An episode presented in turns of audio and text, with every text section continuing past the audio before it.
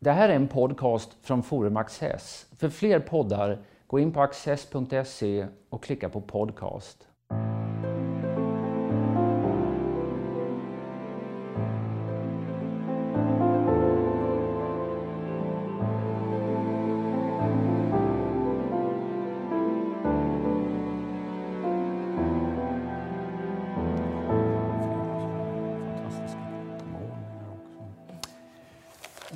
Pratar om boken Female Rulers Portraits of Power med redaktörerna Kurt Almqvist och Susanna Hakelius Popova. Det är en bok som eh, spänner över många sekler från senmedeltid fram till våra dagar med eh, alltifrån drottning eh, Margareta till drottning Margrethe. En av dem som eh, skriver boken är med oss idag. Det är Louise Berglund, historiker vid Uppsala universitet. Du skriver kapitlet om drottning Margareta. Välkommen. Tack. Hon var verkligen en eh, spännande och imponerande person. Det är väldigt roligt att läsa det här. Och, eh, du får gärna börja med att berätta, vem var hon? Vad gjorde henne speciell? Ja, hon är ju en person som framstår som unik i nordisk historia och den mest berömda regenten kanske i nordisk historia. Som eh, Bland annat fick eh, de tre nordiska rikena, Sverige, Norge och Danmark, att enas eh, under en regent och skapade den så kallade Kalmarunionen. Men sen var hon ju också då en kvinna som tog makten över tre nordiska riken i en tid när det rent formellt var så att kungen var en man. Eh, och det spännande är just att reda ut hur det kommer sig att hon lyckades ta den här maktpositionen, med vilka medel hon gjorde det och hur lyckades hon då upprätthålla makten.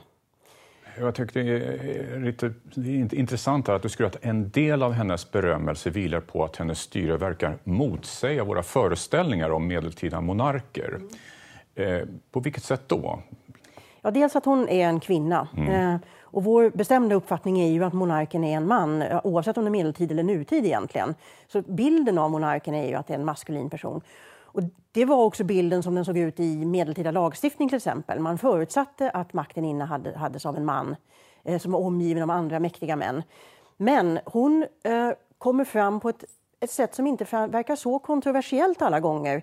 Eh, och visar ju då också att det var fullt möjligt för en kvinna att utöva makt, att regera. Eh, beroende delvis på personliga egenskaper naturligtvis, men också på omständigheter. Så bilden av monarkin blir ju lite annorlunda om man ser att det är en mycket mer flexibel organisation än man kanske normalt sett tänker sig. Mm. Och ett av ledmotiven i ditt kapitel är hennes nätverk och ja. att hon kom fram på det sättet. Precis. Visst var det både det var systematiskt och skickligt som hon byggde de här nätverken? Ja. Um, hur, hur viktigt var det här för hennes regentskap? Jag tycker det framstår som oerhört viktigt. Um, hon, uh, I normala fall så att säga så ser man på de här drottningarna att i början av sitt liv så har de naturligtvis ett nätverk medfött. Hennes far var ju Valdemar Atterdag som var Danmarks, en av hans, Danmarks stora regenter.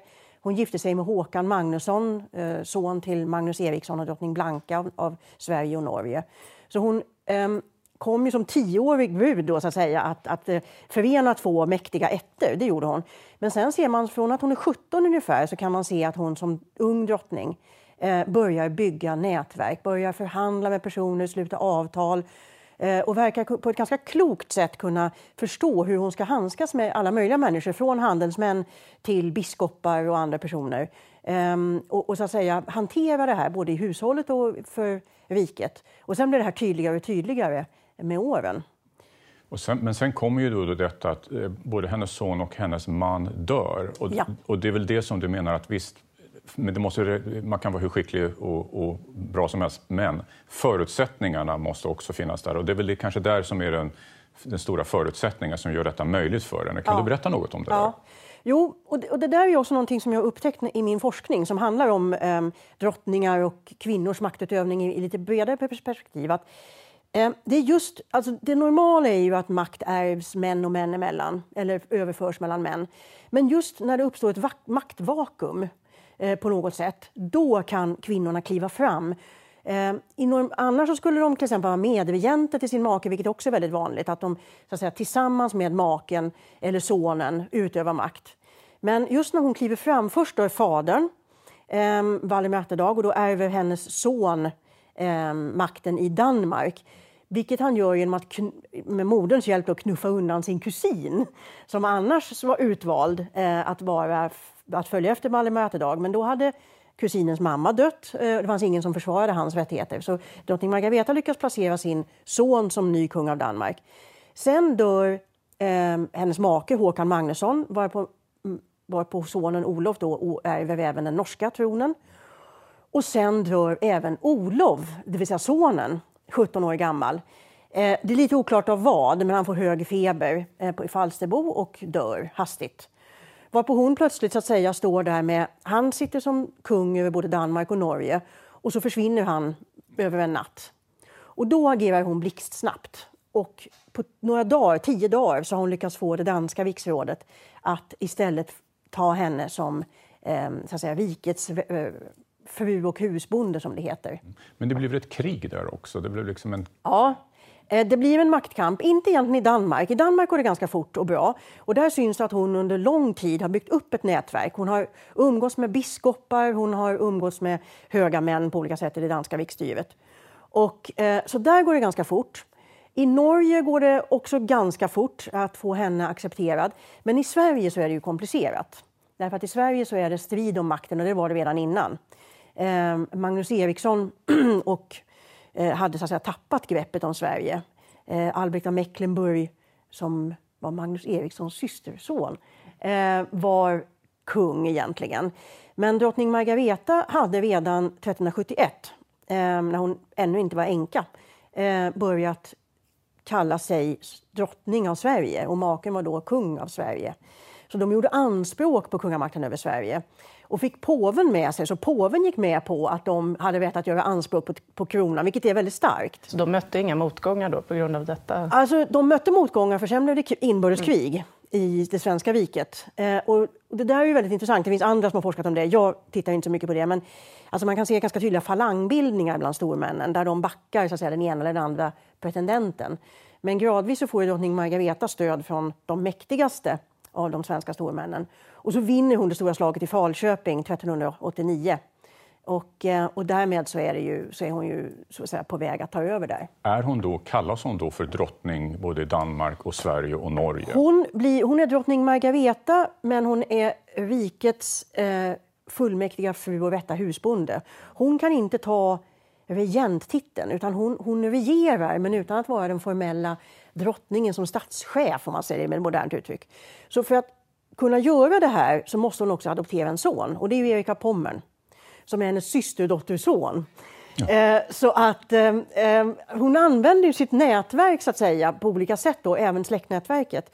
Vilket jag tycker är väldigt spännande. Man kan se att kvinnornas avkommor, alltså kungars döttrars söner kan ta säga, på olika sätt komma tillbaka in. Ja, och det, här, liksom, du skriver ju att den här politiska kulturen som var, apropå det här då med att det faktiskt fanns utrymme för kvinnor att ut, alltså utöva makt. Att den politiska kulturen var mer komplicerad man kunde ja. liksom, man kan, kanske föreställa sig bland forskare för en 20-30 år sedan. Ja. Eller något sånt där. Stämmer det? Och det kan du kanske säga någonting om? Absolut, och det, och det, det är egentligen som är fokus för min, mer större, mitt större forskningsprojekt eh, som jag kallar för Lysande damer som handlar lite bredare perspektiv om, om kvinnlig maktutövning. Att Eh, tidigare har man kanske tittat på enstaka lysande exempel. Och drottning Margareta är ju ett väldigt känt sånt lysande exempel på ett undantag från regeln. Men om man tittar på det lite närmare så visar det sig att bakom den här ganska manliga principen så finns hela tiden en slags tanke om att makt kan överföras på olika sätt. Det kan dels vara släktskap, både fädernet och mödernet. Och sen så kan det vara duglighet alltså, och, och tillfälligheter. Att också få ett riksråd till exempel att acceptera en viss lösning. Det här blir den bästa lösningen för riket och för oss. Och I det skedet så kan en kvinna antingen är, så att säga, överta makten eller via sin son så att säga, eller hos sina kvinnliga släktingar få in någon.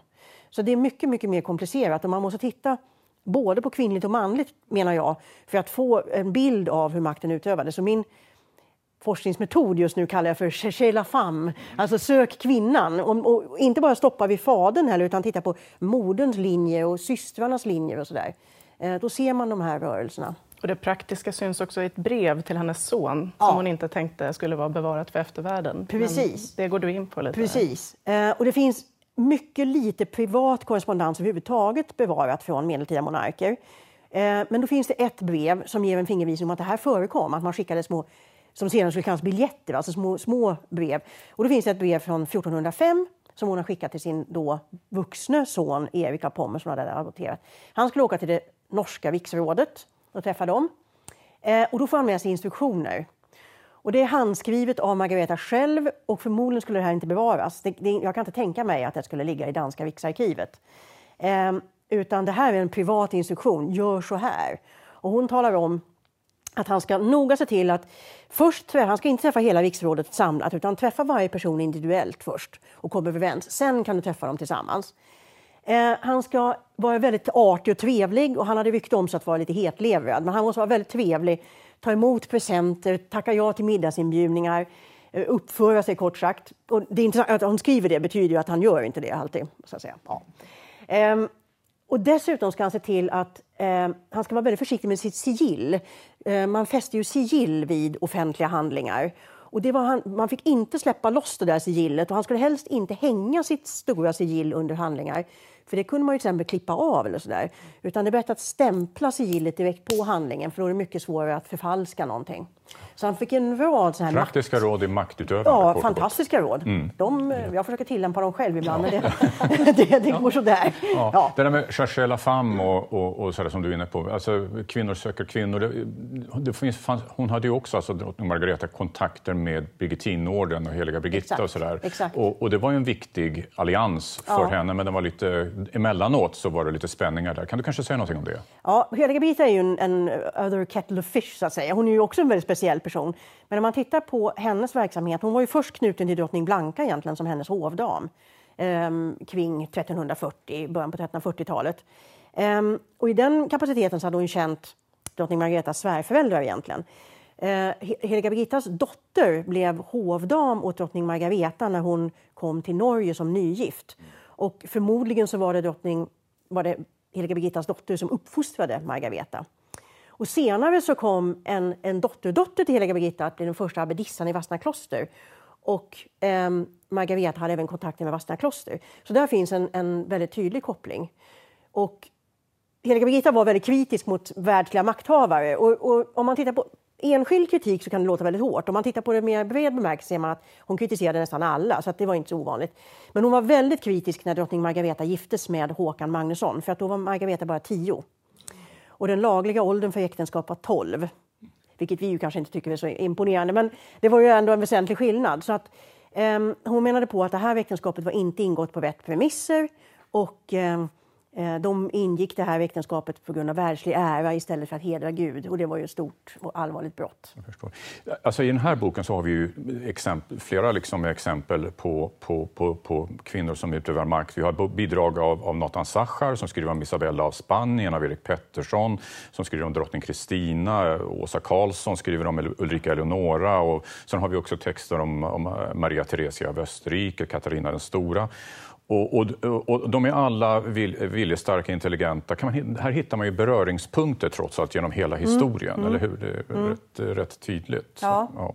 Och det tyckte jag har varit det spännande med den här boken också, att, eh, att vi ser det när man Just när man inte betraktar de här, å ena sidan de betraktas som unika individer och varje person är ju unik i någon bemärkelse. Man kan säga att alla de här personerna har ju väldigt speciella kvaliteter. Um, men om man tar det under lång tid så ser man att under varje tid så finns ju specifika förutsättningar under vilka kvinnorna som placeras inom eliten om man säger så på olika sätt kan utöva makt och inflytande. Och de har lite olika instrument eh, sig till livs. Och sen stöter de också på naturligtvis olika svårigheter som de, de har att bemästra.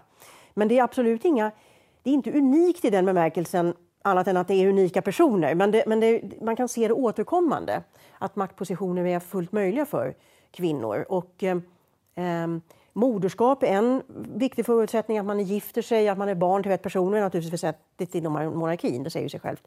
Men det går också utan, alltså, att skapa sig de här positionerna på andra sätt. Mm, och det här är ju intressant även idag, för nu ja. Sverige står ju inför en eh, drottning i vardande, ja. kronprinsessan Victoria, ja. och eh, Danmark har kvinnlig, har en drottning. Och, eh, jag tänker på mm, om vi ska avsluta här i eh, nutid och mm. med historien bakom oss, mm. hur kommer eh, sen drottning Victorias eh, regentskap att te sig, tror du? Hur kommer det se ut? jag tror att det kommer te sig alldeles utmärkt.